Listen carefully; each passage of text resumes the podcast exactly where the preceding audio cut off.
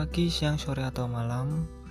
Nama saya Fikri Akbar, mahasiswa Universitas Muhammadiyah Surakarta. Pada podcast kali ini saya akan menjelaskan tentang manajemen media massa yang ditulis oleh dosen saya yaitu Mas Fajar Junaidi. STPFP singkatan dari segmentasi, targeting, positioning, formatting, programming. Segmentasi. Segmentasi menjadi hal yang penting dalam pemasaran media. Pemasaran yang baik dimulai dari penentuan target khalayak.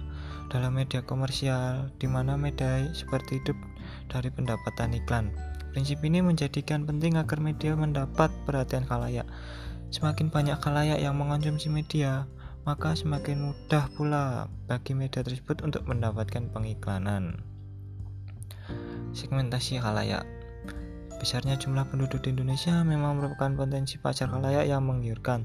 Tidak mengherankan jika media massa di Indonesia terus tumbuh dan pada sisi yang lain juga bertumbangan.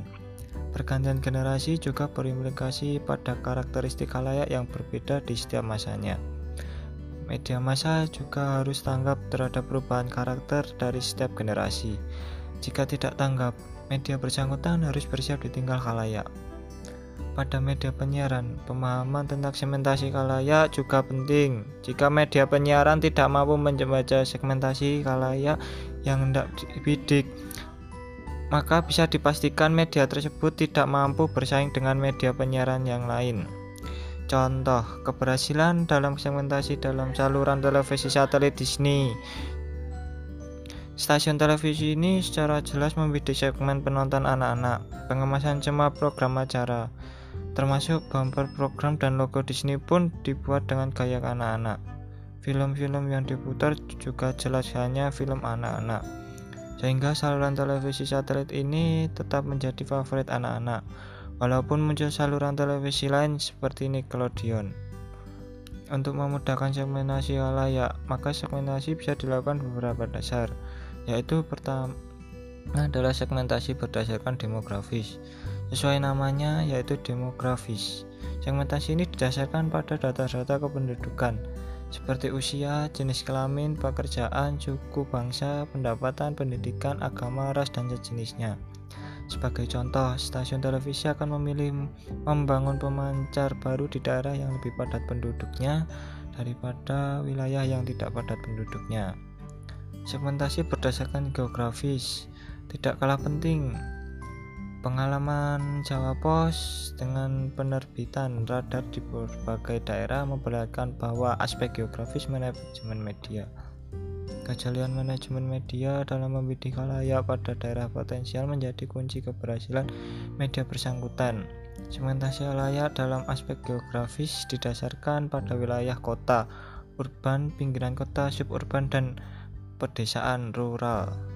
Contohnya, stasiun televisi dan radio umum studionya berada di kota. Untuk menjangkau penonton, untuk menjangkau penonton stasiun televisi membangun pemancar, baik kota maupun pedesaan. Jika dibangun di pedesaan, pemancar tersebut umumnya diarahkan pada kota terdekat. Distribusi, distribusi media cetak untuk lebih banyak berada di kota. Lebih mudah menemukan pengecar koran di kota daripada di desa. Segmentasi juga bisa dilakukan dengan berdasarkan, berdasarkan perilaku layak. Segmentasi ini banyak dilakukan dalam kegiatan periklanan yang sebenarnya juga bisa ditetapkan dalam media massa. Segmentasi ini disebut sebagai segmentasi behavioral, yaitu segmentasi yang didasarkan pada beragam variabel yang berkaitan dengan perilaku halayak, yang umumnya adalah status, tingkat sosial, purchase occasion, dan benefit shock. Sebagai contoh adalah dalam media cetak yang ditunjukkan untuk segmen halayak penghobi, seperti penghobi otomotif, tabloid dan majalah yang ditunjukkan kepada para penggemar otomotif, seperti otomotif, plus, dan trend. Jelas ditunjukkan pada para penghobi, tingkat terberat yang memiliki hobi di bidang otomotif. Mereka yang disasar oleh ketiga tablet tersebut di atas, para penghobi otomotif, otomotif ini menggunakan kendaraan bermotor bukan sekedar untuk alasan ekonomi, seperti digunakan untuk transportasi, melainkan juga untuk gengsi. Targeting. Tahap targeting dilakukan setelah institusi atau perusahaan media yang melakukan pengidentifikasian beragam segmen sebagaimana yang tersebut sebelumnya. Setelah pengidentifikasian selesai, perusahaan melakukan kajian atas segmen tersebut dan kemudian dipilih segmen yang menjadi sasaran. Segmen yang menjadi sasaran inilah yang disebut sebagai targeting. Dalam targeting, media baru ini juga harus mempertimbangkan mengenai hambatan yang akan terjadi untuk menjangkau halayak pembaca yang dibidik sebagai target pasar pembaca seperti mengenai jalur distribusi yang harus dipersiapkan dengan baik agar koran mampu menjangkau publik pembaca yang dibidik. Dalam proses penentuan target, media dapat melakukan beberapa pemilihan model targeting yaitu satu konsentrasi pada segmen tunggal, dua spesialisasi secara selektif, tiga spesialisasi produk, empat spesialisasi spesialisasi market, 5. Jangkauan semua dasar semua pasar Contohnya Jawa Pos adalah salah satu koran nasional yang cukup fenomenal. Jika hampir semua koran nasional yang lain berkantor pusat di Jakarta, Jawa Pos justru memilih tetap berkantor pusat di Surabaya. Jawa Pos dikenal salah satunya dalam berita-berita olahraga yang lengkap dan berwarna. Positioning Positioning dengan demikian dapat dimaknai memiliki tujuan untuk mengakuisisi satu kata yang menjadi ranking dari produk tertentu dalam pikiran khalayak. Keberhasilan media melakukan positioning menjadi kunci dalam rangka menjangkau dan memenuhi kebutuhan khalayak pada media. Untuk itulah perusahaan media harus mengidentifikasi khalayak secara tepat. Perusahaan media harus mengidentifikasi karakteristik segmen khalayak yang menjadi targetnya. Bagaimana perilaku halayak tersebut dalam konsumsi media? Pernyataan positioning menjadi penting sebagai bagian dalam dalam merebut hati konsumen, di mana pernyataan tersebut berupa kata-kata yang mewakili citra yang hendak dibentuk dalam benak konsumen. Kata-kata tersebut harus kuat, dalam artian menunjukkan keunggulan dari produk media yang diwakilinya atas media kompetitor. Beberapa contoh pernyataan positioning yang sekaligus menjadi tagline dalam perikalan media adalah majalah Tempo dengan membuat tagline enak dibaca dan perlu, RCTI dengan pernyataan RCTI oke, Kompas TV dengan inspirasi Indonesia. Formatting Format musik adalah format yang paling mudah ditemui dalam di berbagai stasiun radio swasta komersial. Perkembangan format musik ini banyak dipengaruhi oleh perkembangan radio penyiaran di Amerika Serikat. Contoh perpaduan hybrid antara dangdut dan rock yang menghasilkan rock dut. Beberapa musik pun kini menjadi mirip satu dengan yang lain, sehingga semakin susah untuk ditentukan sebuah lagu masuk genre apa.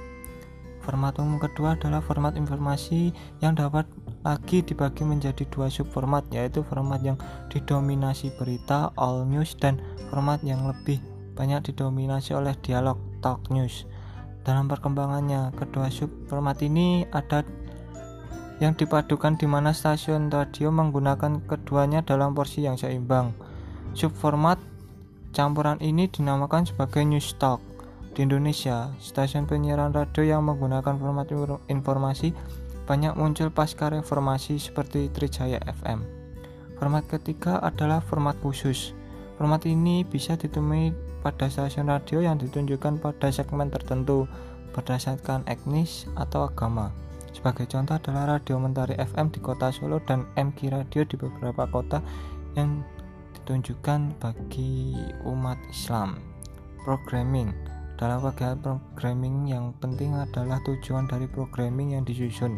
Penyiaran radio memiliki target yang spesifik, tidak seperti televisi, investi, investasi, dan biaya produksi, produksi serta siaran stasiun radio tidak sebar sebesar stasiun televisi sehingga stasiun radio dapat mendapatkan keuntungan profit ada dua tujuan dasar dalam program radio yaitu pertama adalah tujuan secara khusus bersifat lokal. Di, di masa teknologi internet sekarang radio memanfaatkan media sosial untuk berinteraksi dengan pendengarnya. Pada radio musik permintaan lagu biasanya dilakukan dengan Facebook, Twitter, dan media sosial lainnya. Penyiar membacakan permintaan lagu yang ada di akun sosial media radionya. Contoh menarik dari stasiun radio yang sukses menjalin interaktivitas dengan pendengarnya yaitu Radio Suara Surabaya.